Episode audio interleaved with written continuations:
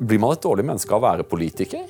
Det er noen eh, gode egenskaper eller dyder man skal ha i livet som, som ikke har gode vekstvilkår i politikken. Og det er jo, Et av de er jo, en av de er jo nysgjerrighet. Det er vanskelig å være nysgjerrig når, du, når, det er avgjort på forhånd hva du skal mene. Du leser det du må lese, de sakspapirene du får. de Det er så få intellektuelle blant norske politikere. Det er helt vilt. Det er ikke veldig mye av det, og så spørs jo hvor mange man mener det skal være òg, men Velkommen til Toyes time, eh, som er en Minerva-produksjon. Eh, vi håper at du vil løse abonnement på Minerva. Men i dag så har jeg med meg en av mine favorittpolitikere, Mimir Kristiansson. Velkommen til Toyes time. Tusen takk. Hva fader er det med Stavanger katedralskole som at det skaper så mange kommunister? Nei, det, det, er vel en kombinasjon Det er som borgerlig, borgerlig opprørstrang, for det er en ganske borgerlig skole. Jeg har ikke møtt noen elever. som har blitt borgerlige av å gå der. Alle sammen synes å bli kommunister av å gå der. Ja, men de, de gjør mindre ut av seg. Det er nok Flertallet er nok borgerlige, skjønner du, men de gjør mindre ut av seg. Det er alle, de, alle våre flinke venner som jobber i olja, men det, du ser ikke så mye på TV. da, så Det er oss som uh, gjør opprør mot den veien, som uh, ender der meg og f.eks. Aslak Sira Myhre og Tore Renberg og sånn. Ja, I et stille øyeblikk så, så erkjente jo Aslak at uh, det at han valgte politikken og ikke olja, så, så, uh, det har jo gjort han til langt fattigere enn det. Hvorfor valgte du ikke olja, Mimir? Nei, det ligger, lå vel ikke for meg, tror jeg. Jeg eh, er ikke så handy, for det første, og ikke noe sånn realfagshjerne for det andre. Så det var jo eh, skriving og lesing og noe som hadde med det å gjøre. Snakking, som jeg er god til. da. God mor.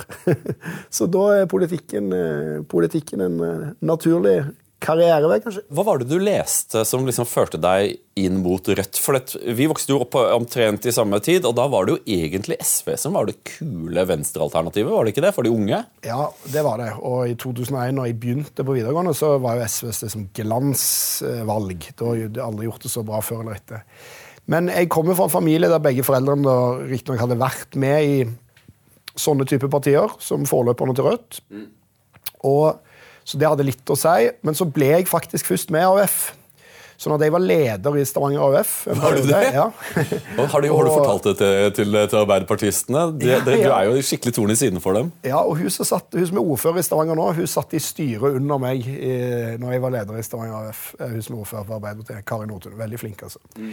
Men, men, så kom denne her eh, Irak, Afga, Først Afghanistan-krigen, så Irak-krigen. Veldig oppblomstring av sånn eh, både fredsbevegelsen, men òg USA mista jo mye ansikt da, gjennom den Irak-krigen. Og da eh, var, opplevdes Arbeiderpartiet som for lite radikalt. Husker, dette er en veldig rar ting å melde seg ut av partiet pga., men, men de var opptatt av at man skulle følge det såkalte FN-sporet i Irak, som betydde vel egentlig at hvis USA fikk overbevist nok land yeah. om, å, om, å, gå til krig, da ville også Norge på en måte være med. Så ville ikke si nei konsekvent. Mm. liksom. Og Det reagerte jeg veldig på, så ble jeg så radikalisert av det, og så endte jeg kanskje opp der jeg alltid ville endt opp, da, i Rødt og Ungdom. Og da drev vi, Hvis man kan leste, så leste jeg som vi leste kommunistiske manifest, og så leste jeg mye, mye, leste mye Lenin når jeg gikk på videregående. Så, så det, ja, som man jo gjør, man førte jo ut i uhell, det, da. Sånn. Ja, men ok, greit. Eh, la meg pushe litt på det. For det, jeg, jeg, ser jo Jeg tror mange ser at opptakten til Irak-krigen det var ugreit. Og det syns de fleste i Europa. Og den eh, forsøket fra amerikansk side på å gi et inntrykk av at de hadde et mandat som de ikke hadde. For de hadde ikke noe sikkerhetsrådmandat for å gripe inn militært i Irak. Eh, og så fikk de noen mandater til, til, å stabilisere når det først hadde skjedd. og sånne ting. Men hvordan ser du da på, på Ukraina-krigen? For Sett fra russisk side så sier jo de at vi gjør jo ikke noe det som dere ikke har gjort. Hva er det dere prater om? Eh, hvorfor er dere så hellige? Dere, dere, dere gjorde det i Afghanistan, dere gjorde det i, i Irak, og dere gjorde det i Kosovo. Hvordan ser du på det? Nei, altså, Det ser jeg på som en helt bevisst teknikk og taktikk som Putin og hans eh, cronies da, bruker. De misbruker det som er et helt reelt vestlig hykleri, som det fins masse av i verden på mange områder. Misbruker de til å legitimere sin egen folkerettsstridige invasjon og sine egne overgrep og massedrap i Ukraina. Sånn at hvis man skal liksom være konsekvent i det standpunktet vårt mot Irak-krigen, så skal man jo òg være like mye mot Russlands invasjon av Ukraina. Det er jo sånn det der henger sammen. Det Men det, det blir jo så... vanskelig for Rødt. Like sikkert som at man har en ganske sånn sunn skepsis mot Amerika, så har det jo vært det har vært mye følelser som har knyttet seg til Moskva eh, for, for, den harde venstresiden. Og jeg ser jo at det har vært splittelser i Rødt på akkurat det punktet. Ja, altså jeg, for det første så er jeg ikke helt sikker på hvor altså De varme følelsene for Moskva på norsk venstreside de har jo vært i NKB og faktisk delvis òg i forlengelsen av NKB i SV. Så Rødt sine forgjengere og sånn, de var jo egentlig mot Sovjetunionen og mente jo at Sovjetunionen kom til å invadere Norge i den morgenen den dag. De hadde jo leid, leid jo sånn krigspsykose på slutten av 70-tallet begynnelsen av 80-tallet, der man trodde tredje verdenskrig sto rett rundt hjørnet. Og da var Sovjet aggressoren. Så stikk i strid med hva mange tror, da, så var faktisk AKB det mest antisovjetiske partiet i Norge. var til og med Ofte på et litt sånn hysterisk grunnlag, vil jeg si til og med. Men det er helt klart at det som har vært en sånn intellektuell latskap for i alle fall deler av venstresida, er jo at man har man, en, man, tilhører den stormaktsblokken der USA er leder. Det er USA som på en måte oppfattes som vår bad guy. Det er de vi har i oppgave å kritisere. Det er de som Norge er alliert med, støtter opp om alt dette. Og så har det der gått på automatikk, sånn at man bare har blikket retta mot USA, mot det beviselig galne tingene USA gjør, Libya, Afghanistan, Irak. Og så har man fullstendig glemt, vil jeg si, eller undervurdert, at også Russland er en eh, kjip imperialiststat. Eller det har man ikke Det er ikke det at man ikke har meint det, men man har ikke eh, brydd seg nok om det. Altså Man har ikke liksom eh, vært obs nok på det. Og så kommer denne krigen, og da settes jo det spørsmålet helt berettiget veldig på spissen. Og da er jeg veldig glad for at Rødt er jo helt sånn, på alle vedtak på alle mulige sånne ting, så er Rødt et sånn krystallklar på å fordømme den krigen. Ingen form for støtte til Putin. alle mulige sånne ting. Mm. Og så har du dette lille sånn Steigan-miljøet og, mm. og, dens omegn, som er liksom litt i utkanten av Rødt. Noe, noen er mer Rødt, noen ikke. Der er det mer en sånn Putin-apologi. Og det, i mine øyne, er liksom i strid med alt jeg vil mene Rødt og jeg sjøl fall baserer min ideologi på. da, For hvis du er å være antiimperialist, og hvis du mener noe med det, så mener du ikke bare at du er mot ett bestemt imperium eller en bestemt supermakt. Da er du jo mot også russisk imperialisme. Sånn at når Russland bruker alle de der for de troller jo amerikanerne. Det er jo det de gjør når de kaller dette for en spesialoperasjon. og De går inn samme dag som det møtet i Sikkerhetsrådet, akkurat som man gjorde på Balkan eh, på 90-tallet. Så de driver jo en sånn trolling. Men når man går på den propagandaen, mm. da er mine øyne er man bra dum. da. Og det er jo det jeg er redd for at skjer i det deler av det steigermiljøet. Eller man ser at skjer i deler av det steigermiljøet, og det er jo derfor det er på sånn kollisjonskurs med det som er hovedlinja i Rødt. da. Ja, for Det er alltid sånn interessant å se hvordan på en del felt, spesielt veldig brennbare temaer, så ser man at, uh, at ulike grupperinger ender opp i, i, konkurrerende virkeligheter, ganske enkelt. Og liksom at det er, en, det er, en, del, og det er jo også interessant å se at eh, det er en, en ytterfløy på, på, konservativ side og en ytterfløy på sosialistisk side, ekte sosialistisk side, som overlapper på akkurat dette. Eh, jeg vet ikke om, det, om den, den sirkeltanken om at, om, at, om at, Rødt og Blått møtes, i, om det, om det stemmer, men iallfall så er er det verdt å, å, legge merke til. Men jeg lurer på liksom, hva er igjen av Rødt da? ikke sant? For dette saken er at eh, sosialisme er jo en økonomisk eh, ideologi som handler om kontroll over produksjonsmidlene. Og så vidt jeg har forstått, så er, ønsker ikke eh, Rødt å kollektivisere privat eiendom og, eh, og den type ting. Dere er, er, mer et omfordelingsparti nå, er dere ikke det? Ja, både òg. Eh, altså det som er utfordringen for alle eh, partier som har sånne, alle partier som har hatt sosialistiske vyer i Norge, da, og det gjelder jo det, det, det, største partiet som har hatt sosialistiske vyer i Norge, er jo Arbeiderpartiet. Og de holdt jo på de vyene sjokkerende lenge. Altså det Langt ut på 80-tallet så hadde man jo prinsipprogram om man skulle innføre global planøkonomi. og bygde på Marx og sånne ting. Men ja, Labour, hadde, Labour, hadde, akkurat det ja, samme også. Veldig på festtalenivå til slutt, da, det skal ja. man si, men likevel. Da. Men utfordringen er jo at du har noe politikk, brødpolitikken her og nå. ikke sant? Det tror jeg Rødt i veldig mange saker er på lag ikke bare med en del av befolkningen, men med det overveldende flertallet av befolkningen, som er for noe mer omfordeling. Eh, at du skal ha bedre kontroll over strømprisene, demokratisk kontroll over de, den type ting. Der tror jeg Rødt har veldig populær politikk. Og så har jo Rødt et prinsipprogram da, med noen visjoner og ideer om hvordan man skal bevege seg mot et annet type samfunn. og Da kommer, da blir det for det første veldig vagt. En Og det står da i programmet det trengs en radikal endring av maktforholdene. en sosialistisk revolusjon. Stemmer. Og da blir det ofte gans, ganske vagt. Hva mener du? Hvordan skal det akkurat se ut? Kan du se dette for deg? Og det er fordi et sånt prinsipprogram per definisjon er jo en form for sånn science fiction. Altså det er jo Arbeidsprogrammet er jo det du skal gjøre i neste periode, og prinsipprogrammet sier noe om liksom vyer og visjoner og ideer. Så det er jo meint som vage greier. Og jeg vil jo si jeg har lest andre partiers prinsipprogram, og hvis du leser Høyre og Arbeiderpartiets prinsipprogram ved siden av hverandre Du skal være bra smart for å se forskjell på de to. ass. Ja, det så det er det- vage greier. Ja, men det er sant, men, men saken er at Så, ja. for, for Rødt så er det jo liksom for, for mange av oss så går det jo kaldt nedover ryggen når vi, når vi hører de to ordene sosialistisk og revolusjon. For, det, for de stakkarene som har blitt utsatt for det, har det jo vært eh, ofte en litt sånn blandet opplevelse, om det er på Cuba eller Venezuela eller i Sovjetunionen. Og der er det jo viktig For meg da, så er det det avgjørende. For jeg har på en måte Om det står det eller det ordet der eller der i Rødts prinsipprogram, det er litt, eh, synes jeg ofte er litt mindre interessant. Det synes jeg er litt mindre interessant enn det Bård Larsen syns det. i alle fall. Ja, han- ja, han han er veldig det. interessert av det. Ja, ja. Men, men det som er viktig for meg, som må være helt krystallklart, og som i hvert fall jeg må være trygg på hvis jeg skal kunne være med i Rødt, det er at det partiet er, har et demokratisk sinnelag, og at det ikke er på en måte et ferniss. Sånn at du må være tilhenger av valg, ytringsfrihet, alle liberale rettigheter, flerpartisystem. Alle de tingene der. Og det er jeg 100% trygg på at Rødt er. Det står da 100 ganger i det programmet. Det er litt sånn det er litt urovekkende at det må stå så mange ganger i det programmet, for det sier noe om, om historien og hvor man kommer fra. Men det, det er veldig viktig, og det er grunnleggende annerledes. Et sånt brudd med AKP. da. Men så kommer man jo fra en sosialistisk idétradisjon, i alle fall i det økonomiske, da, som du sier, om at man har en idé om hvordan verdier blir skapt i samfunnet, og at det ikke er kapitalen, men arbeidet som skaper verdiene. da. Det er liksom den veldig enkle måten å si det på. Og at det derfor er utbytting som foregår når kapitaleierne på en måte eh, tar av profitten, profitten, og at det da må organiseres på en annen måte. Og så kommer du inn i den diskusjonen som er sånn ok, Hvordan skal dette se ut i praksis? da, sant?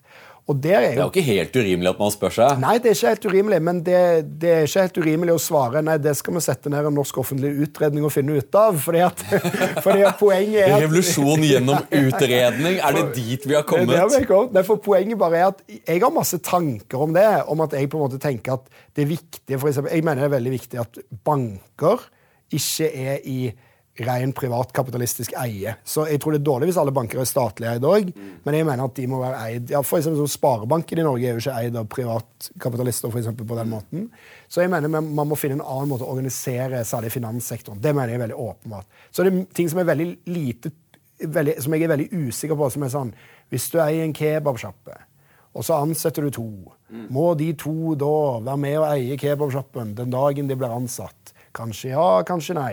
Og det er der Kollektivisering av kebabsjapper. det der er det, Når du kommer ned på det detaljnivået der og det gjør du hvis du er på studiesirkel, og det har jeg vært på mye studiesirkel. Ja, ja, og hva kom studiesirkelen fram til? Så, ja, det kom fram til forskjellige ting. forskjellige, så det er egentlig det, det er morsomt å på en måte se rødt folk vri seg i stolen når de skal slite med å svare på det, men det mener jeg egentlig er et er lite grann på et sånt eh, hypotetisk detaljnivå, som jeg tror det eneste saklige og riktige svaret på det er nei, det, det, skal vi sette en kommisjon og eh, få utreda, du. For jeg forsøker jo å være, å være trivelig og åpen, Ja, ja, ja, ja. åpen mot alle. og jeg synes at En av de tingene som er litt sånn interessant da, eh, akkurat nå eh, For Nå sitter vi med et, eh, et Rødt som er over 10 Eh, For de som har levd i Norge en stund, så er det ganske overraskende. Jeg tror at det har en del å gjøre med det arbeidet som du og Magnus Marsdal gjorde da dere var yngre enn det dere eh, er i dag. eh, Men når det gjelder retning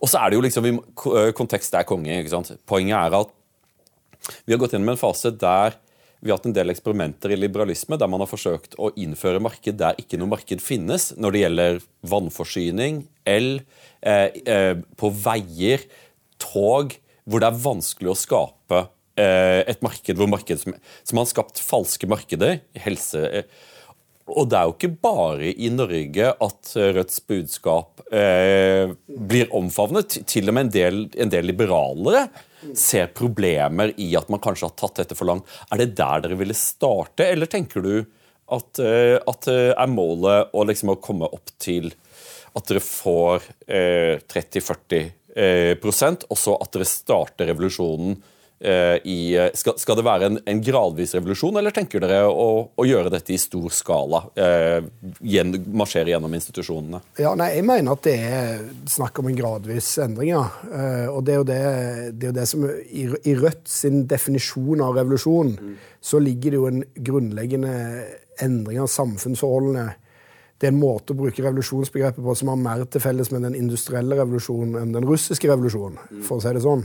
Eh, men det alle forbinder med revolusjon, som er grunnen til at det begrepet er så håpløst å bruke når du skal holde valgtallet, da, det er at alle ser jo for seg at du skal storme opp Løvebakken med, med gafler og, og, og, med liksom eh, For å kvele den siste prest med, med, med innvollene til den siste, siste borger, ja. ja, ja, ja. Og, ta, og ta makta, liksom. Og det er det ikke noe aktuelt med. Men, men det jeg mener at det riktige er liksom den veien som egentlig òg var Arbeiderpartiets vei fra mellomkrigstida, i hvert fall et lite stykke ut i etterkrigstida, som er da at du via først en sånn statskapitalisme, økt demokratisk kontroll over kapitalismen, da, utvikle institusjoner.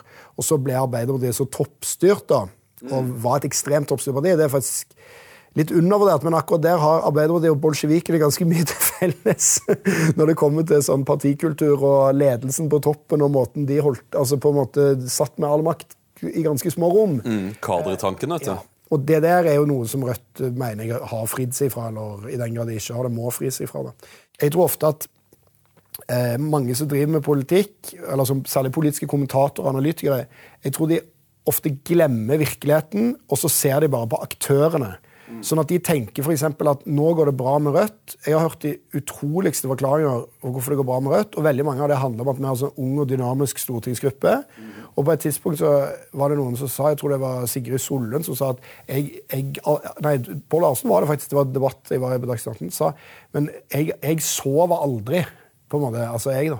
Og jeg sover jo godt om natten, jeg, men det er liksom ideen om at vi har noen personlige, magiske egenskaper som gjør at nå er plutselig Rødt blitt veldig populært. Men jeg vet jo sjøl godt at jeg er ikke noe flinkere agitator enn det Aslak Sira Myhre var. Og jeg er ikke noe flinkere agitator enn det Jon Michelet var før det.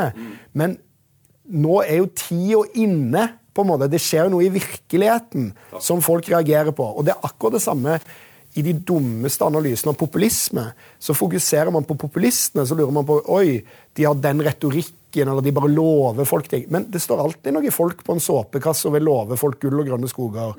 Men når populistpartier over hele Europa vokser fra 2 til 30% så skyldes ikke det at populistene har knekt koden. Det skyldes jo at de etablerte partiene har mislykkes.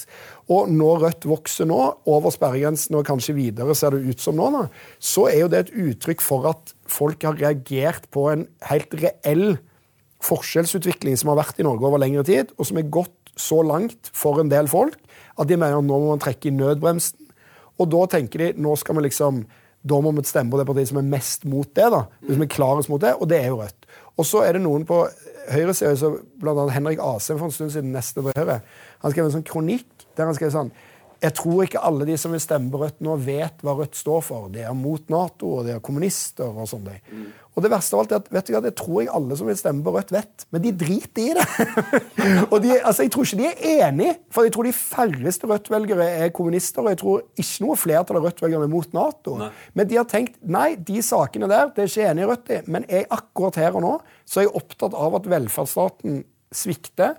Av at markedet for strøm eller lignende er totalt ute av kontroll, at forskjellene er helt ute av kontroll. Og Da velger parti etter det. Og Sånn tror jeg det er for alle partiets velgere. Jeg tror ikke velgerne til Høyre alltid syns så mye om at de er så snille med milliardærene heller, men de stemmer vel på Høyre av en annen grunn. Og Sånn er det vel med våre velgere òg. Sånn at den ideen om at du skal kunne på en måte knekke Rødt ved å avsløre for velgerne hva vi virkelig mener Den har jeg bare så liten tro på. For jeg tror velgerne har fått med seg akkurat det. Og så har de tenkt men det er ikke så farlig, eller det bryr vi ikke så mye om, eller det tar jeg ikke på alvor. Så jeg fokuserer på det jeg på en måte bryr meg mest om i politikken. Forskjellen øker. Det partiet er mest mot forskjeller. Da stemmer jeg på det. Dere er ofte veldig tydelige på spørsmål som folk bryr seg om, mm. og på spørsmål der andre politikere sier at «Ah, dette er veldig komplisert. Mm. Eh, mens det ofte ikke er så komplisert. Ja. Og det er jo akkurat det. Dette er jo de, de etablerte partienes eh, på en måte En av de liksom, hyppigst brukte sånne smokescreens eller sånne forvirringsstrategier. Det er jo å påstå at ting som egentlig er ganske enkelt, er veldig komplisert. Mm. Og noen ting i verden er veldig komplisert, men det er ikke sånn at det er ikke sånn at det er veldig på en måte vanskelig å øke minstestønaden i uføretrygden, f.eks.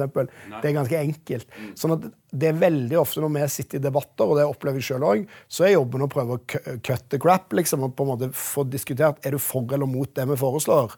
Mens de andre blir sittende sånn og bare snakke rundt, og dette er veldig komplisert, og man må kjenne veldig mange detaljer. Og det er jo òg et problem for demokratiet. fordi at det man i praksis òg sier, er jo til alle de som hører på, til alle velgerne, til alle innbyggerne dette er for komplisert at du kan forstå det.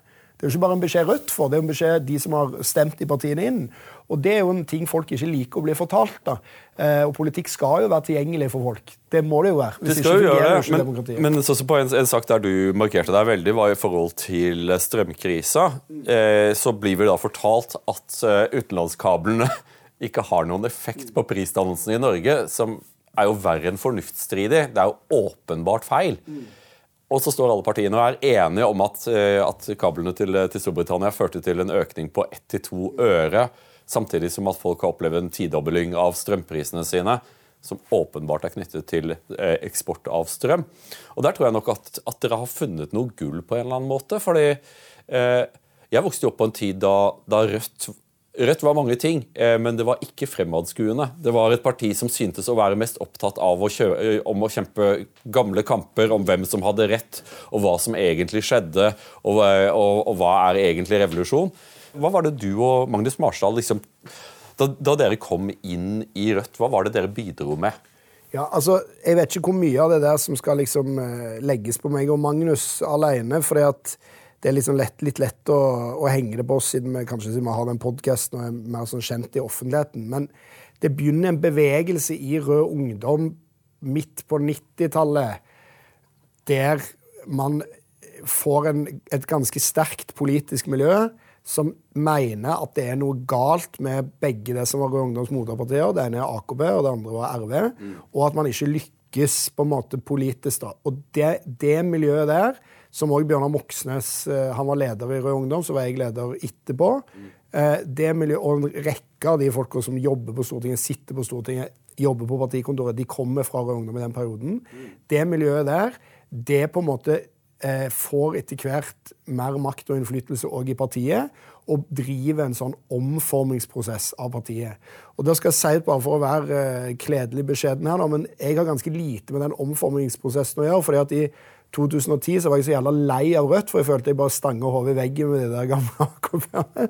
Så jeg slutta jo Rødt og begynte å jobbe i Klassekampen. Jeg kom jo ikke tilbake til Rødt før alle problemene var fiksa, så jeg var jo, skummer jo fløten av det. Sånn som, så det lot Bjørnar ta seg av alle ja, de greiene? Ja, Bjørnar og Marie Steve Martinussen og flere andre som har gått og trødd i det der møtene der veldig lenge. da, så det er liksom, Jeg på en måte har kommet inn og mye har vært på stell. da. Men det som har skjedd, er jo egentlig hovedsakelig Det har skjedd to ting. Det ene er liksom en politisk klargjøring av linja, som er at Rødt for alle praktiske formål er et radikalt, men demokratisk venstre-sosialistisk parti. Mm. Og det andre det er at man har fått en eh, man har fått, jeg vil jo, Mange er jo negative til ordet populisme, men ganske positive til det, da, men man har fått et liksom populistisk tilsnitt i politikken. Uansett er det sånn, hva ord man velger å bruke det, at man har fokusert på de store spørsmålene knytta til arbeid, velferd eh, på en måte De tingene som betyr noe for økonomien til vanlige folk. sånn at Forskjells-Norge og kamp mot forskjell er blitt som overskriften i alt Rødt gjør. Og det skal gjennomsyre alt Rødt gjør. Så når Rødt legger fram klimapolitikk, så er liksom, da må den være sosialt utjevnende, den òg. Og det er et brudd med det der Egentlig ikke så mye AKB, men gamle RV-tenkingen, som var sånn at det var et parti som aldri klarte å skille mellom smått og stort. og som kunne være like interessert i den minste lille fillesak som i på en måte eh, hvordan vanlige folk skulle på en måte klare seg i hverdagen. Da. Og der har man på en måte fått stramma til. Og så er partiet ganske samla bak det. Alle, mange av de fleste av de gamle AKP-ene som mange ofte snakker om som noen slags sånne skumle folk i kulissene. Er jo bare med på det prosjektet. Syns det er helt topp. Nydelig at det går framover. Fins unntak med Steigan og sånn, men stort sett er det sånn. At de er bare med, er bare glad for at partiet vokser og at det har oppslutning i arbeiderklassen. Det var jo AKPs idé òg, å få oppslutning i arbeiderklassen. Det var bare litt rar, rar framgangsmåte.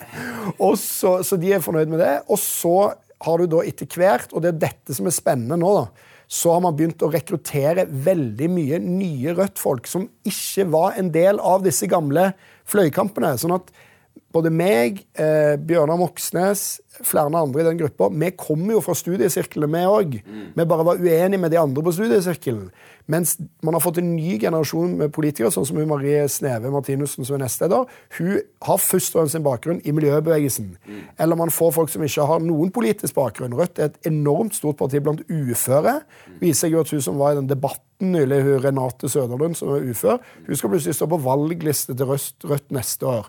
Og dette er jo folk som kommer inn i politikken fordi de vil fikse noen problemer og saker i livene sine. Ikke fordi de har på en måte lest Lenin på videregående skole, og så syns de det var så bra at de ble med i Ungdom. Så det, viser jo bare at partiet er i endring. Og det som blir veldig spennende, er jo hva som skjer når den generasjonen eller de politikerne rundt omkring i hele landet overtar, og det der gamle Røde Ungdom-miljøet på en eller annen måte gir, fra seg stafettpinnen, som er, er, det som er i ferd med å skje. da. Men ligger det ikke mange landminer igjen her? For det, saken er jo det at uh, sånn som Det er lettere å holde motsetninger uh, fra hverandre når partiet er ganske lite. Nå nå, jeg vet ikke helt hvordan du leser det. Det vil være interessant å høre. Hvordan leser du den politiske situasjonen nå? For vi er jo i en situasjon der Arbeiderpartiet er historisk lite, med ganske få utsikter til å, å dra, dramatisk forbedring. Senterpartiet eh, er, eh, har knekt ryggen på dette eh, samarbeidet, og Høyre vinner masse, men det gjør også Rødt. Hvordan tenker du at dere kommer til å investere den politiske kapitalen som dere nå er i ferd med å erverve dere? Kommer det til å fortsette som et mer populistisk at dere fokuserer på de sakene som velgerne bryr seg om, eller er det et større bakteppe for å forandre Norge her? Nei, jeg mener at det stiller større krav når man vokser til en hva skal man si, helhet i politikken. da. Og Det betyr flere forskjellige ting. Det ene er at Jo større partiet blir, jo vanskeligere blir det jo bare å si sånn vi bryr oss bare om forskjeller. Mm. Altså, hvis du, har, hvis du, har, 15% av stemmene, så, så, vil folk vite hva du mener om alle ting. Ja. Og, og, du kan på en måte ikke bare si om vi er opptatt av de sakene som forener arbeiderklassen, det som splitter arbeiderklassen, det er vi ikke interessert i. Du må liksom inn i det. Og det samme gjelder jo òg vårt forhold til Arbeiderpartiet og SV jo, hittil har jo dette egentlig vært ganske lykkelig for oss. Ingen vil ha oss i regjering, og det er like greit for oss. men, men, på en måte nå merker jo vi en utålmodighet etter valget som vokser og vokser på hvorfor er ikke dere med og tar ansvar for greier. Og så har vi jo invitert Arbeiderpartiet til ulike samarbeid, og det er jo egentlig de som ofte stenger døra til oss. Støre har jo sagt at han er nærmere Høyre enn Rødt, f.eks. Men, men jo større partiet blir, jo mer krevende blir det der. Mm. Det blir større forventninger til at, skal, at, det skal få noe uttelling. det der å stemme på Rødt. Og så er det det der helhetlige, mer radikale samfunnsprosjektet at du kan tenke at Knut Nærum hadde et veldig morsomt bilde. Husker jeg når RV ble 30. Mm. Så sa han at RV sitt problem det er det at RV er aldri pølse, det er bare ketsjup. det er bare sånn tilbehør yeah. til et annet parti. Altså, Du stemmer på Rødt for at vi skal stramme opp Arbeiderpartiet. Yeah. Og det er veien til makt og innflytelse er at vi plager Arbeiderpartiet så mye at de skifter mening. Mm. Men etter hvert som Arbeiderpartiet er på vei utforbakke, da, som det ser ut nå, og Rødt vokser mye og vil kanskje vokse mer, så må jo Rødt ta mål av seg og ha et mer sånn radikalt det, radika det, må være realistisk, det prosjektet, men det må òg være radikalt. I den forstand at vi må på en måte ha en idé om at vi skal være et styringsparti, eller vi skal ha en plan. Det går ikke an bare å si sånn jo, jo, men det er fint med litt rødt i miksen, liksom. Mm. For det sånn er det jo det, det vanligste folk sier til meg på gata. Det er sånn eh, Jeg er ikke enig med deg i alt, men jeg syns det er bra du er der. Men, jeg får også jo, ofte høre den. Ja. og, da, og, det er jo et veldig flott kompliment, det på mange måter, men det er jo den rollen Rødt er på vei ut av. Mm. For du kan ikke drive og ha åtte eller på målinger opp mot 15 folk på Stortinget, og så er det bare liksom for å være en ombudsmann. Altså, Da må du ha et mer sånn større visjon for samfunnet og sånn samfunnsforandrende prosjekt. Da. Men man må også ha et ganske definert prosjekt. for dette, I norsk politikk så er det jo slik at vi har to store partier, Arbeiderpartiet og Høyre, og så har vi vanligvis et tredjeparti. Og det er mange partier som har vært i tredjepartiet. SV har vært store, KrF har vært store, Senterpartiet og Frp. Mens jeg tror at sånn som ting blåser nå, så kan det godt være at neste gang vi går inn i stortingspartivalg, så er det Rødt som kommer til å ligge rundt ja, 16-17% det er, det er ofte der det store tredjepartiet ender opp. Eh, og så er det jo sånn at det store tredjepartiet ofte eh, ender opp sånn som Senterpartiet. Ganske enkelt at For store forventninger, eh, kanskje for lite realisme i forhold til hva de kan få ut av det, så sitter du og får skylda for alt og æren for ingenting. Hvordan tenker du at Rødt skal løse den utfordringen? Nei, Det der er veldig, det som Rødt jobber for fullt med nå, da altså Dette er sånn som folk ikke um, Dette er sånn som de de, de, som ikke er innvedd, og med innvedd så mener jeg på en måte du, Det holder knapt å være medlem i partiet. Du må følge nøye med som medlem i partiet. Ja. De får ikke med seg dette. Men det Rødt for eksempel, jobber med nå, er å prøve å konkretisere politikken på en hel haug med områder. Så brukt masse ressurser i høst på å lage en sånn klimaplan, mm. som er på en sånn detaljert plan for å nå disse klimamålene. Det Tro meg, det, sliter, det er det mange partier som sliter med. Så, men Rødt har jo gjort det, da. Og gjort det på en skikkelig måte, mener jeg. Og jobber liksom, bruker mye tid på at de der alternative statsbudsjettene våre ikke skal være sånn demonstrasjonspolitikk. Men jeg tror at klimapolitikk var veldig lett. Er det ikke bare det at man setter seg et helt urealistisk mål som skal oppnås etter at man ikke sitter i regjering lenger? Ja, Det er det vi prøver å bryte med, da. Men det er jo det som er norsk klimapolitikk. Veldig veldig høye mål og veldig lite planer å gjennomføre det. Men, men det er jo det vi prøver å bryte med. Og den type arbeid der, altså Forbildet for dette her er jo egentlig på 30-tallet.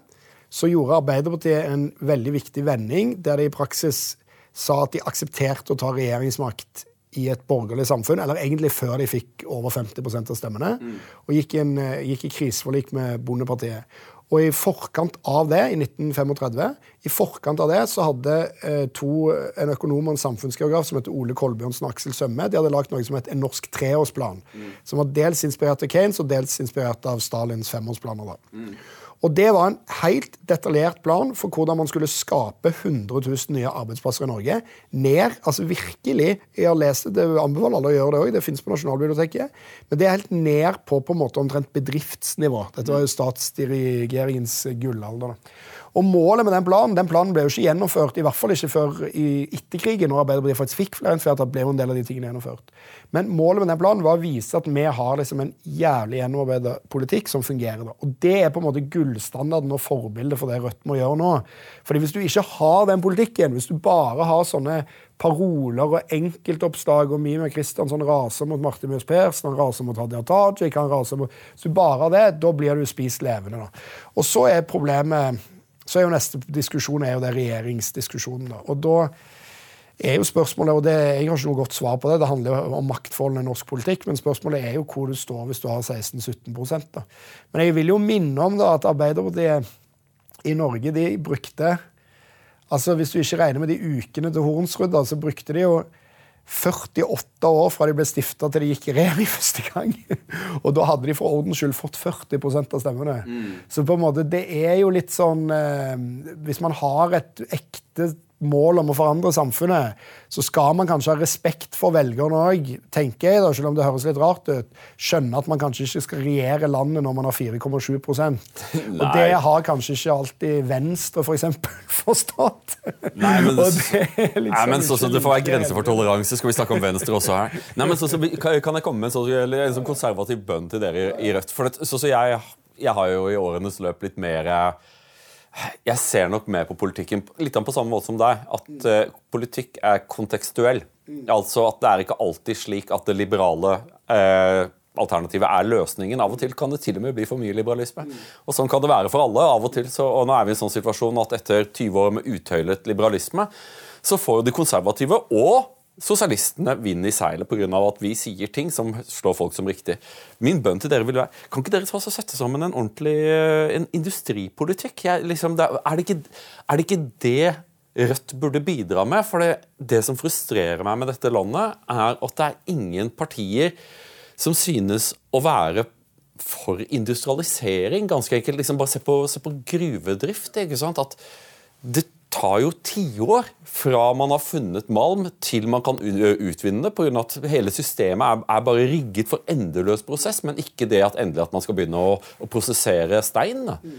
Eh, er det noe jeg kan håpe på fra dere? Ny industripolitikk for, eh, for Norge? Ja, det, det, vil jeg tro. Og, og, det er jo Altså, Manifest har jobba en god del med dette her i det siste. Som er jo en tankesmie som i hvert fall Rødt ser mye til. Og det som er interessant, er jo at det er jo det man har i nyliberalismen, som er en sånn gullalder, da, som er kanskje er over definitivt nå, da, men som gullalder, så trodde man jo at sånn Fri markedspolitikk var den beste industripolitikken. Mm. Og det er jo bare tull. For det første så er jo frimarkedspolitikken er jo en regulert politikk. Det er bare det at man har regulert markedene på en annen måte. Men for det andre så for høykostland, særlig sånn som Norge, så er det, eller for land som driver næringer basert på naturressurser, som Norge òg gjør, egentlig på råvarebasis, så er den frimarkedspolitikken ganske katastrofal for industriutvikling. Sånn at det vi har hatt, er jo en politikk som sier det samme for oss som de bygger batterifabrikk eller datasenter, mm. bare det er lønnsomt. Så man har ikke hatt noen forståelse av industriens betydning både for sysselsetting, men òg for produktivitetsvekst. Så lenge man kan på en måte tjene penger på å leie ut til datasenter. Så lenge det er gode penger i eiendomssektoren, så trenger man ikke investere penger i næringslivet. Mm. Altså, da, da, det på en måte Man har et sånn type syn på det. Og det, den skrivebordspolitikken der, den kommer jo opprinnelig fra høyresida, men den har jo vært overtatt av Arbeiderpartiet og nesten perfeksjonert av Arbeiderpartiet i de der Stolten, tidlige Stoltenberg-årene der staten er totalt sånn næringsnøytral. Mm. det driter liksom i hva som foregår, bare det blir profitt, på en måte. Og så på en måte forstår man ikke liksom betydningen av industrien i, som sånn lokomotiv for økonomien for øvrig. Da. Og der tror jeg at det er kommet et sånt paradigmeskifte i hele Europa. Da. At på en måte mer ideen om at staten må inn mm. og ta noen grep for å sikre at det blir bygd ut industri, for å sikre at man er mer sjølforsynte med livsnødvendigheter, i hvert fall på vårt kontinent, da, om ikke annet. Ja, og sikre at det finnes arbeidsplasser for store deler av befolkningen som på en måte er der, og for så vidt òg for å nå en del klimamål. fordi at å flytte ut den industrien til u-land er det samme som å be om økte klimagassutslipp. Sånn at her har på en måte politikken spilt fallitt. og det er jo, Vi krangler litt om hvem som har funnet på det begrepet her. men men det er noen på et tidspunkt som har funnet på det begrepet eh, konferanseutsatt sektor. Og det er i hvert fall den sektoren så, som er under på en måte, Den har vært dominerende i Norge. Mm. Eh, og, og, du ser det, ja, Strømpolitikken er kanskje beste eksempelet på det. Man har Arbeiderpartiet Særlig eh, det, Jeg tar opp de, for det er de man blir skuffa over at Høyre står for markedsplass. Altså, du kan ikke være sur på Tigeren for at han har striper, liksom, men, mm. men Arbeiderpartiet de står altså for en markedspolitikk som egentlig betyr i stor grad industridød i Norge. Den kraftkrevende industrien vil slite enormt hvis de ikke har et konkurransefortrinn som betyr billigere strøm. Ikke bare billig strøm, billigere strøm. Ja, det som er hele pointet, det, det er jo det, Norges viktigste industrifortrinn er at vi har en overflod av ren energi. Men hvis vi selger den energien eh, til kontinentet, så er det ingen grunn til å drive industri i Norge. Veldig interessant at du sier det. Liksom, det, er jo det som jeg tror mange eh, konservative er litt så sjokkerte over at eh, veldig mange holder Klassekampen. Eh, jeg tror, det, jeg tror, at det, faktisk har å gjøre med at konservative og sosialister har til felles om at vi er enige om hva det handler om. Det handler om makt og interesser. Det handler ikke om normer og verdier. Det handler ikke om språk, det handler om realiteter. ikke sant? Men så ser jeg var oppe i, kom tilbake fra Skellefteå i går. Jeg ble bare så utrolig positiv. Der, de bygd, der bygger de en kjempestor batterifabrikk. 3000 ansatte, industriansatte i Skellefteå. Utrolig viktig for hele regionen. Dette er jo regioner som er litt sånn som Finnmark. De har ikke helt visst hva de skal gjøre med det. Trygde, mye, mye trygding, mye ikke sant? Mens her er dette, dette har skapt en sånn entusiasme. For liksom når du får da en sånn fabrikk, så får du jo dusinvis av støtte. Nye folk kommer inn. En voldsom positivitet rundt denne byen Skellefteå som er i ferd med å endre seg. ikke sant? Jeg blir jo kjempepositivt av sånt. Ta landet i bruk.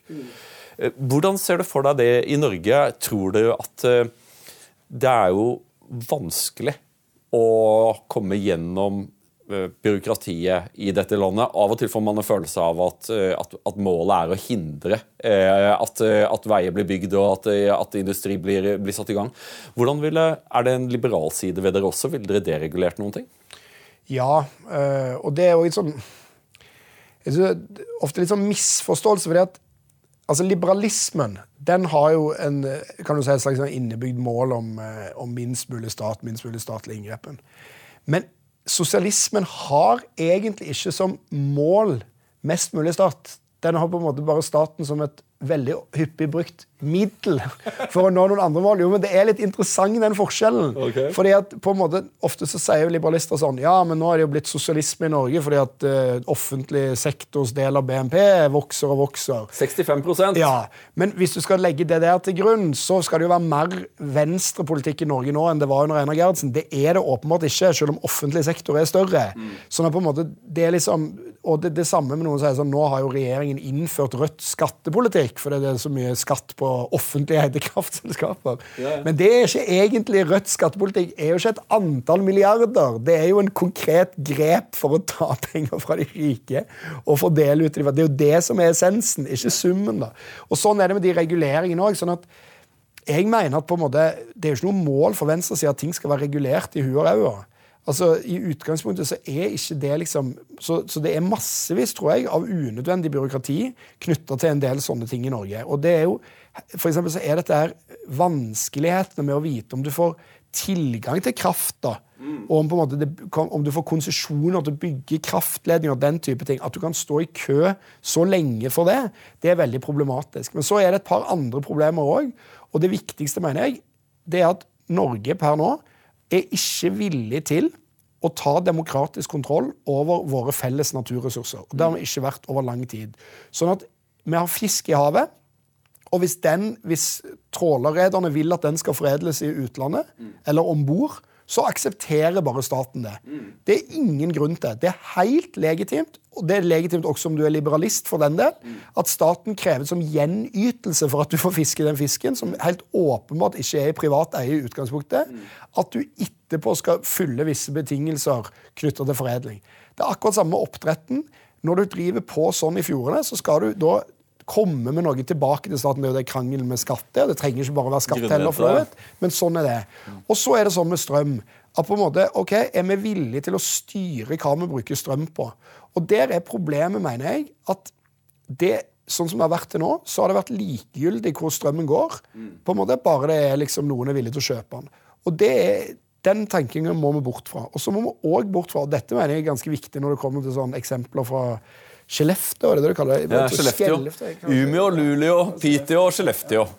Nei, jeg har vært oppi der, eh, faktisk. Men, eh, men jeg ble, jeg ble, helt rørt å, ja. se en, å, se en, så svær den er jo, Fabrikken er fanken meg en kilometer lang, liksom. Og den bankes opp. Og så er det, det er moro å se På flyet så kommer arbeiderne opp. Ja, ja. De kommer sørfra. ikke sant? Eh, og Noe lignende har vi ikke sett siden 50-tallet. At arbeidere drar nordover for å jobbe i industrien. Og så er det en voldsom entusiasme i denne lille, byen. Da. Det, er, og liksom, det er aktivitet, ikke sant? Fanken heller. Men også dette krever en form for sånn planmessighet. fordi at det jeg har opplevd både som lokalpolitiker i Rogaland og jeg har sett det når jeg har vært rundt og reist det er at akkurat nå så prøver alle kommuner i Norge å få en batterifabrikk. Ja. Så, så, så, det reguleres områder over en lav sko til batterifabrikk akkurat nå. Og det er mulig at det stoppa litt opp pga. strømprisen, altså, men i hvert fall i forkant av det. Og kommuner i Norge det som er skjedd er at de er helt prisgitt privat kapitals investeringsvilje.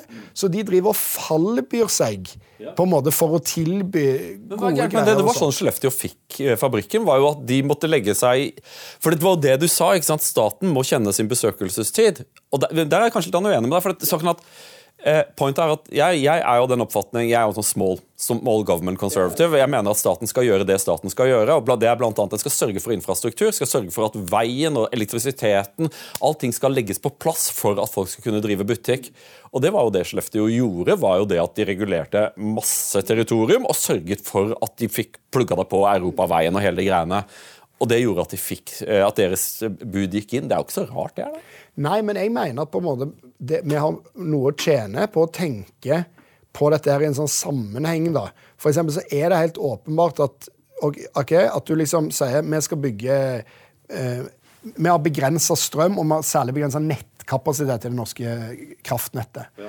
Og da må staten på en eller annen måte, jeg kan ikke se for meg noen andre som skal ta de avgjørelsene, ta og prioritere noenlunde næringer som skal få tilgang til den strømmen. Mm. Og for si at Det avhenger av at du har arbeidsplasser eller verdiskapning. eller så kan du lage noen kriterier. sant? Mm. Og jeg tror også man må tenke at man må prioritere sånn cirka hvor i landet det skal ligge. Mm. Og så er det ikke noe problem for meg at fem kommuner i Rogaland levere inn eh, på en måte opplegg for å prøve å tiltrekke seg. I Norge er jo dessuten veldig mange av disse, veldig mange av disse batterifabrikkene de er jo enten subsidiert på huet og ræva av staten eller eid av et statlig selskap, ja, Hydro eller, eller Equinor. Men jeg, til syvende og sist så tror jeg at den modellen man gjorde når man la Statoil til Stavanger, at du tar en avgjørelse og sier den delen av landet der, der er det ikke noe greier, annet greier som går så det griner akkurat nå. Der, de fortjener det. De får det. Det tror jeg er liksom behov for det. det at enhver, altså Dystopien er jo sånn som de holder på i USA med å prøve å tiltrekke seg varelagrene til Amazon. Ja, ja. Når alle driver det som kapler mot bånd, der de kutter i alle skatter og avgifter og prøver å gi liksom tax-bonuser og sånn. og Det var til og med en by som ville omdøpe byen til Amazon City. Ja, jeg husker det. Altså, måte, det der er dystopien. da. Sånn at på en måte i Norge, der så mye av dette avhenger av tilgang til offentlig eid strøm, for det er jo det som er realiteten for nesten all ny industri du skal etablere, er det ikke i mine øyne urimelig at du har en slags plan som sikrer at det sprer seg greit rundt i landet der hvor det er, er behov for arbeidsplasser. F.eks. i Finnmark, da, hvis det skulle være. Eller hvis man ser for seg på Vestlandet at det blir oljenedtrapping på et eller annet tidspunkt. og Det er jo ingen som tyder på det anytime soon, men hvis det blir det, da, så vil man jo ha tilsvarende behov for å lage nye næringer ut av de industrimiljøene som er der, f.eks. Jeg skulle jo ønske meg en mye mer offensiv eh, næringspolitikk i Norge. Jeg var oppe på Raufoss nå. Der har vi jo Nammo, eh, som er vårt er faktisk et verdensledende eh, våpenprodusent. Produserer da Man kan være mot våpen og være for våpen, men alle er vel enige om at det er greit om vi, at vi har kuler til dersom vi skulle bli, bli invadert. Og Der har de, der har de jo problemet med at sant, man ser nå at de må lagre mer av sine innsatsvarer for å kunne produsere, pga. at tro det eller ei, mesteparten av, eller nesten all bomullen Det kan brukes mye bomull når man lager bom, øh, sprengstoff, importert fra Kina. Mm. Så man må finne et alternativ til det, og så må du lagre det. Og så, jeg, og så, så spør de om staten kan dere bygge fjellhaller for oss. Nei, det må dere gjøre selv. Men det er den type ting som jeg mener at her bør staten være i en dialog med, med industrien for å se etter hva kan vi gjøre for dere for at dette kommer til å funke for dere også, sånn at man, man deler på noen av investeringene. Problemet er jo liksom i Norge så er det jo ofte sånn at eh, statlige selskaper søker staten om subsidier og selger tilbake til staten i en sånn pervers, kvasiliberal greie. Ja, og så er staten ofte dårlig. Altså, staten noen ganger, For det første er det et problem der med sånne pseudomarkeder. Mm. At, man, at man av en eller annen grunn Det, det fins ikke egentlig noe marked Staten, staten, er eneste eier, men du skal late som du ikke er eier. Du skal late som om selskapet er på børs. Så altså, det, det, det, der er bare tull, det å drive på sånn. Det er det ene. Men det andre er jo at staten noen ganger er dårlig ved at den bare kaster ut penger til næringslivet. Det skal man være veldig forsiktig med uten å kreve noe tilbake. Mm. Det gjorde man jo Korona er jo så skrekkeksempel, selvfølgelig. Men jeg tror også Røkke sitter igjen med mye penger for staten i Norge i runde på runde, der han har fått da på en måte ulike ganske gunstige ja, Men kødder du med altså, Det er jo historien om det tiåret som ligger bak oss. Er det at tap kollektiviseres mens gevinst privatiseres? Det skjedde jo først med finanskrisa. Så, så, ble, jo, så ble jo la oss kalle det kapitalistene ble holdt sakesløse av EU for alle pengene de hadde tapt for deres egne dårlige investeringer. Og så kommer, så kommer migrasjonskrisen, så kommer, så kommer pandemien, eh, og nå er vi oppe i Ukraina-krisen. Og hver gang kommer det krav fra næringslivet om at de skal holdes skadesløse for konjunkturmotganger, og så kommer man i møte på det. Og det er, det er ikke en veldig god måte å drifte en økonomi på. Eh, for jeg tenker jo at Hvis du skal ha gevinsten, så må du også ta de potensielle tapene. Det er jo det som, Men vi, jeg mener at man ikke skal beslaglegge gevinsten. Da. Ja, ja. Men det, det, det, altså, her er det faktisk en interessant konkret idé til hvordan man kan eh, gjennomføre økt grad av sånn sosialisering av produksjonsmidler. Da. Fra Kalle Mone, økonomiprofessoren, som mener at han mente jo under korona at en motytelse mot krisestøtte er at du må gi aksjer i bedriften til de ansatte. Oh, ja. Altså at staten kjøper og deler ut aksjene til de ansatte i bedriften som kompensasjon for eh, at du Hvis du, du, skal få lov til å drive bedriften i fred, men hvis du vil ha den støtten, så kan du få den, men da må du gi, eh, må du For det er jo det som er rart, at under både korona, finanskrisen og alt mulig, så det man har vært mest opptatt av, er jo å redde eierskapet. Uansett hva som skjer med Petter Stordalens hoteller, så skal han beholde alle hotellene på andre siden av krisen. Yeah. Og det er så pussig. Det, er sånn, det er ikke alle som får tilbake jobben, men han skal få tilbake alt eierskapet. I stedet for at man bare sier ja, men er det verste som kan skje, at han må selge unna noe greier, da? Ja, men det, jeg, for jeg, tenker samme, liksom? ja, jeg tenker jo at vi går glipp av liksom noe av det som er fint med liberalismen. og Det er jo det at det er kaotisk, det er, det er brutalt, det er enorme formuer skapes og kollapses. eh, Ressurser pøses over fra, fra sektor til sektor. Det er det fine med den liberale markedsøkonomien. Mens i Europa så har man jo endt opp med å få en ganske sånn permanent kapitalistisk overklasse av folk som uansett hvordan det går, så vinner de stort sett. da. Ja, og da får man en viss type folk i næringslivet òg. Fordi da er det en type ferdigheter som lønner seg, og det å være god på å drive politisk påvirkning, lobbyvirksomhet. Og jeg ble så overraska når jeg så her om dagen på eh, Jeg har hengt meg opp i dette med NHO. For jeg har inntrykk av at NHO, som egentlig er bedriftenes eh, interesseorganisasjon, og sånn, så ser jeg på hvem er det som sitter på toppen i NHO. Hvem er det som er direktør i det NHO-forbundet? Faen ikke vært i næringslivet en kjeft av dem! Nei, nei, nei. De er jo bare ekspolitikere. Ekspolitikere. De er bare folk som er gode på lobby og media. Ja, ja. Han Almli har riktignok vært i en bedrift, men det er nå en mediebedrift. Ja. Så det er på en måte de som sitter og er de fremste representantene for norsk næringsliv. Det er bare noe avdanka Ap-statssekretærer og andre politikere. Og da er jo spørsmålet sånn ja, Hva slags ferdigheter er det på en måte du premierer? Og stå, da eser det ut i det der konferanseutsatt sektor med lobbyister, påvirkere, kommunikasjonsmedarbeidere og forskjellige sånne folk. For det viktigste for mange bedrifter er jo å sørge for at du er på plass når staten skal dele ut neste krisepakke. Ja, men du har så- og da, da får du jo òg en Ja, det, det er ikke spesielt innovasjonsfremmende, tror jeg, den, den typen kapitalisme heller. Men jeg, jeg synes det var jævlig kult at du påpekte etter stortingsmiddagen så påpekte du at eh, da, da dere kom til, til å fortelle Hver høst så er det jo slottsmiddag hos kongen for stor, alle stortingsrepresentanter. Veldig stas. Og så når det er ferdig, så går man da på Lorris tradisjonelt, som er et eh, gammelt skjenkested bak Slottet. Og vi kommer jo der etter slottsmiddagen, som det skal være hvert år. Og så er det kø utfor, og vi står i kø, og jeg lurer på hva i helvete skjer. Hvorfor kommer ikke stortingsrepresentantene inn på Lorry, sånn som de gjør hvert år? Og da viser det seg at det er fordi at First House og lignende kommunikasjonsbyråer de har rett og slett reservert så mange bord der inne for at de og deres kunder skal få menge seg med politikerne og påvirke politikerne. At politikerne sjøl ikke slipper inn på, på puben. Sånn at det blir jo ikke noen å påvirke, for det er jo ikke noen som kommer inn for å bli påvirka. Er det dette Karl Marx refererer til som kapitalismens iboende motsetninger? Ja, det er virkelig. Og det er jo bare et bevis på en utvikling som er gått helt over styr, og som de fleste er ganske enige om at er gått over styr òg.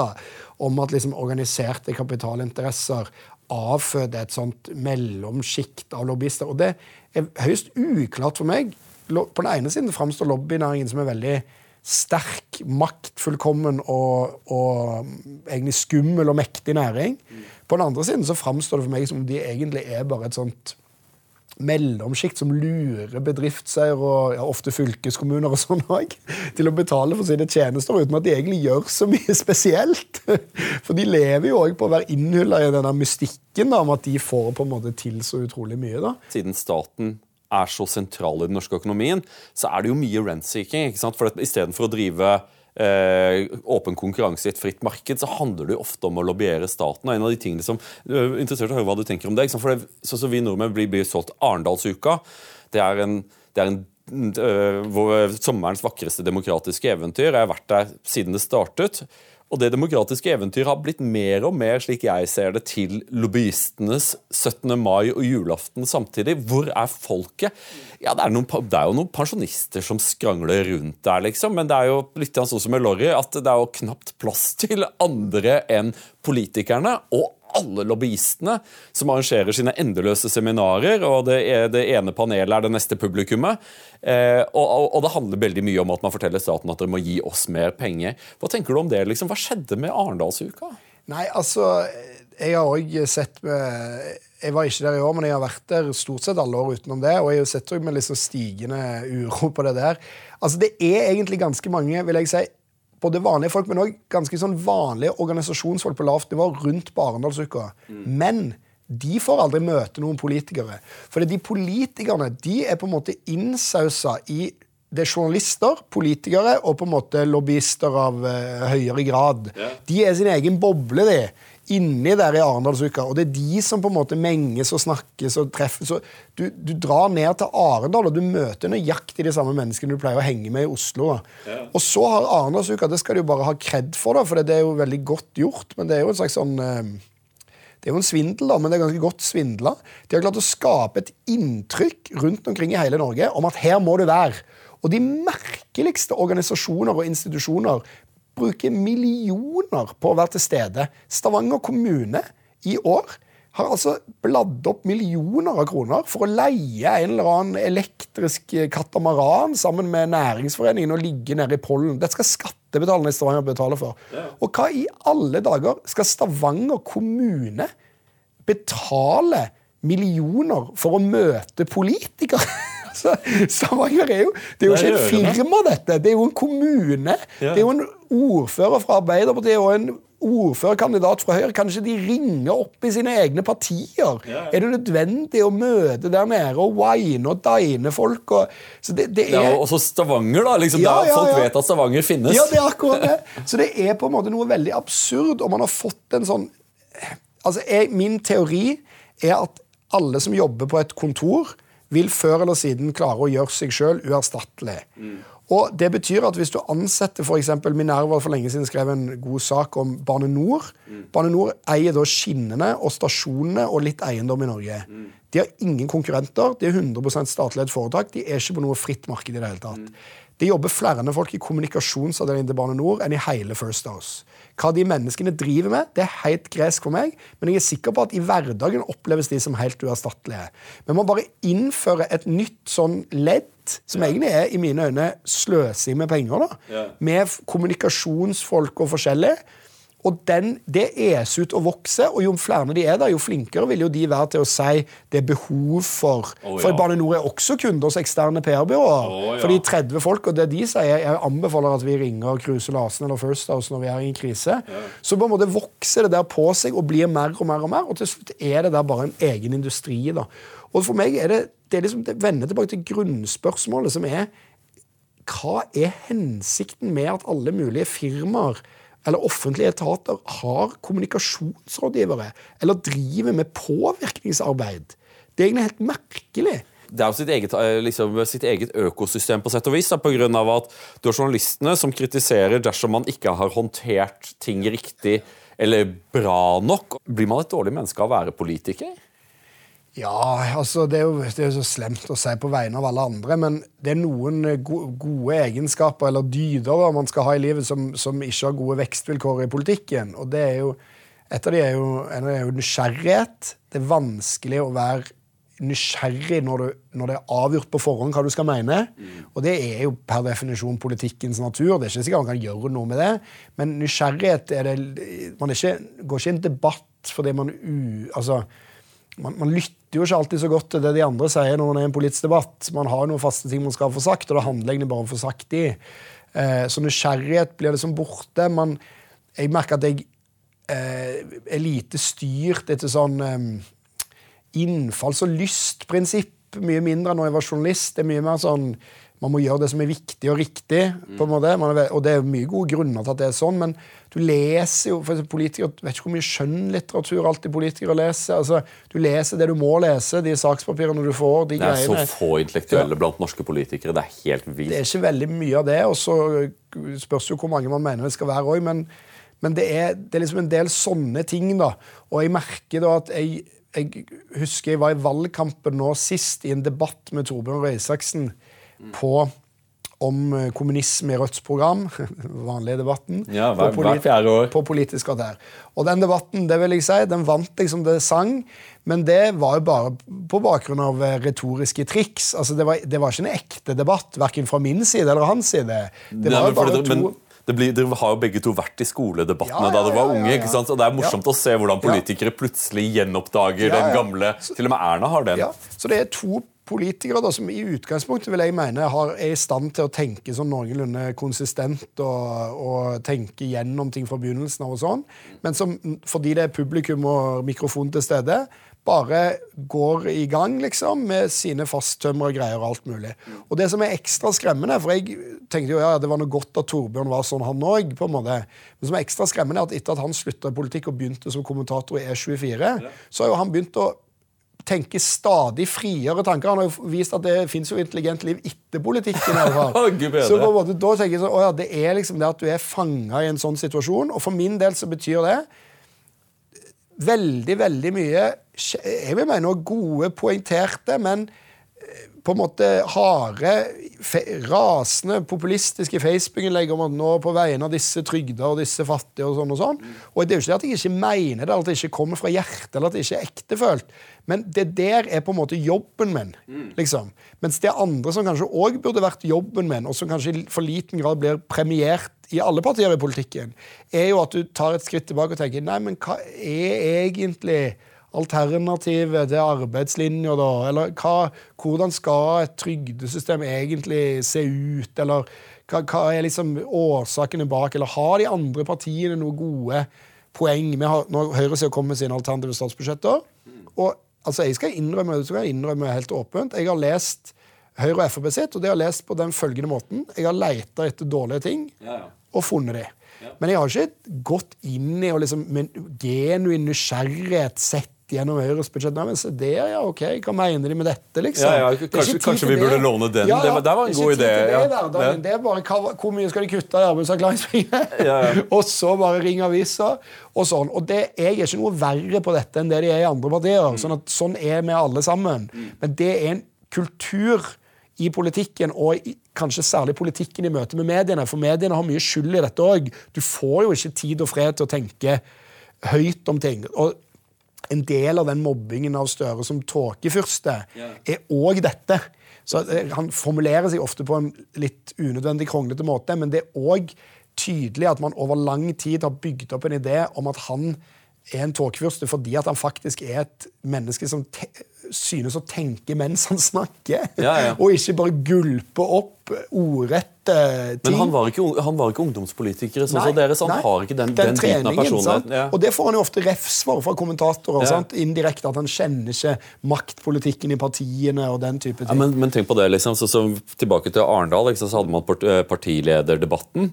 Det var et sånt øyeblikk i historien, synes jeg. For etter debatten så, så, så triller jo alle hovedstadsavisene fem og seks på Støre. Nå, mens jeg så debatten, og så tenkte jeg å fader, nå er det i trøbbel. For det, Journalistene elsket det, men jeg var ganske sikker på at folket ikke ville like hva han sa. Og nå ser du på meningsmålingene hvordan det går. da. Nei, Da fulgte jo han den oppfordringen han får av kommentatorene hele tida, som er å være liksom hard i klypa og gønne på.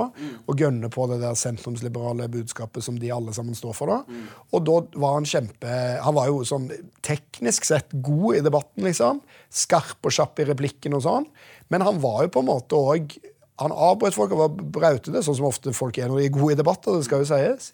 Og i tillegg så forsvarer han jo en politikk der Arbeiderpartiet i praksis sier at vi er gift med markedet. Det frie kraftmarkedet. Det er vi gift med, og det skal vi ikke endre på. Og er du uenig i det, ja, da er Putin i Europa. Ja, ja, ja. og det, og det er for, Du må huske at det er ikke bare Kirsti Bergstø som får den beskjeden om Putin i Europa. Det er alle i Norge som er misfornøyde med strømregningen. Får beskjed om at du skal holde kjeft med den klagingen, for det nå er det noe annet på gang. nå. Ja, men 15% liksom. Spørsmålet er om man liksom bør, bør lytte til, til hovedstadskommentariatet hvis man skal se hvordan man skal drive, drive sitt, sitt politiske prosjekt. Nå skal vi gå inn for landing, Mimir, men så, så, det, som, det spørsmålet som jeg lurer mest på, er eh, Nå har Rødt rundt 10 oppslutning. Eh, gode utsikter til å, å kunne vokse ytterligere fram mot valget.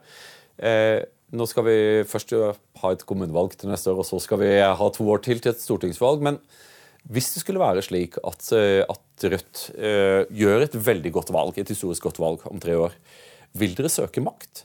Eller vil dere eh, foretrekke da å stå utenfor? For det er jo ofte problemet for De Linke, for Venstern. Eh, skal man søke å være stueren nok til å gå inn i en regjering, eller skal man stå utenfor regjeringen og komme med innspill, sånn som Sverigedemokraterna gjør nå i Sverige? Hvordan tenker du omkring dette? Hvor maktkåte skal Rødt være nå som For det er jo slik at dere får jo også et mandat en- og en tillitserklæring fra velgerne. Dere kan jo ikke bare sette dere på gjerdet, kan dere det? Nei, og jeg tenker at alle partier bør være maktkåte når det kommer til å skaffe seg makt og gjennomføre egen politikk. Så er det jo på en måte to måter å ha maktkåt på. da. Det er jo posisjon og politikk. da. Og for alle politikere så går det der altså, Hvis du ser deg selv i speilet, da, skal du innrømme når du er politiker at det går ofte, det glir over i hverandre. Men, men, jeg tenker at det der er en stor utfordring for Rødt. Og jeg tenker i alle fall at Rødt er nødt til å på en måte søke makt hvis Rødt blir så stort som du sier. Men så er det ulike måter å søke makt på. Det ene er jo spørsmålet om man kan gå inn i en regjering, og hvem som eventuelt skulle ville regjere med Rødt, og hva det innebærer. Frister jo ikke veldig mye å sitte i regjering med Arbeiderpartiet akkurat for øyeblikket. så er det sånn. Tror Det kan bli vanskelig å sitte i regjering med Høyre? Ja, det tror jeg òg. og så er jo det andre alternativet er jo at man går inn i den rollen SV har nå, som garantist. Det er ganske aktuelt. Hvis Rødt havner på vippen på Stortinget, så kan det iallfall ikke stå på rødt i mine øyne og ikke sikre flertall for noenlunde venstresidebudsjetter. Mm. Men da forhandler man jo om politikk fra år til år og gang til gang. da. Men jeg mener at det, det vil være helt fallitt å bare si at det, da får Arbeiderpartiet bare gå til høyre. da. Eh, så det, det, mener jeg er liksom opplagt. da. Og så er det siste varianten, den vi allerede gikk inn for nå, da, som er at vi kan lage en avtale. Dette har jo vært Enhetslisten, altså vår danske søsterparti, sin ja. modell i Danmark. De lager jo en sånn minimumsavtale. Mm. De er enige med regjeringen om 10-12 punkter eller et eller annet. altså Var da dette før valget nå? Og, og, og, den skal de sikre. Og, og på en måte der får de gjennomslag for en god del av politikken. Og så gir de regjeringen egentlig frihet i andre områder. da. Altså en, da, en implisitt antakelse om at partiet ikke kommer til å felle regjeringen over en ja, fillesak? da. Ja, stemmer. Ja. stemmer. Og det er jo, eh, Men vi er jo allerede i dag selv om de ikke trenger våre stemmer, så er jo vi allerede i dag opposisjon til denne regjeringen på en annen måte enn det Høyre og Frp er. Mm. I den forstand at det ikke er ønskelig for oss at regjeringen blir kasta til fordel for en høyreregjering. på en måte. Sant? Så Vi sitter jo der i dag, så dette her er dritvanskelig for et parti av vår uh, type.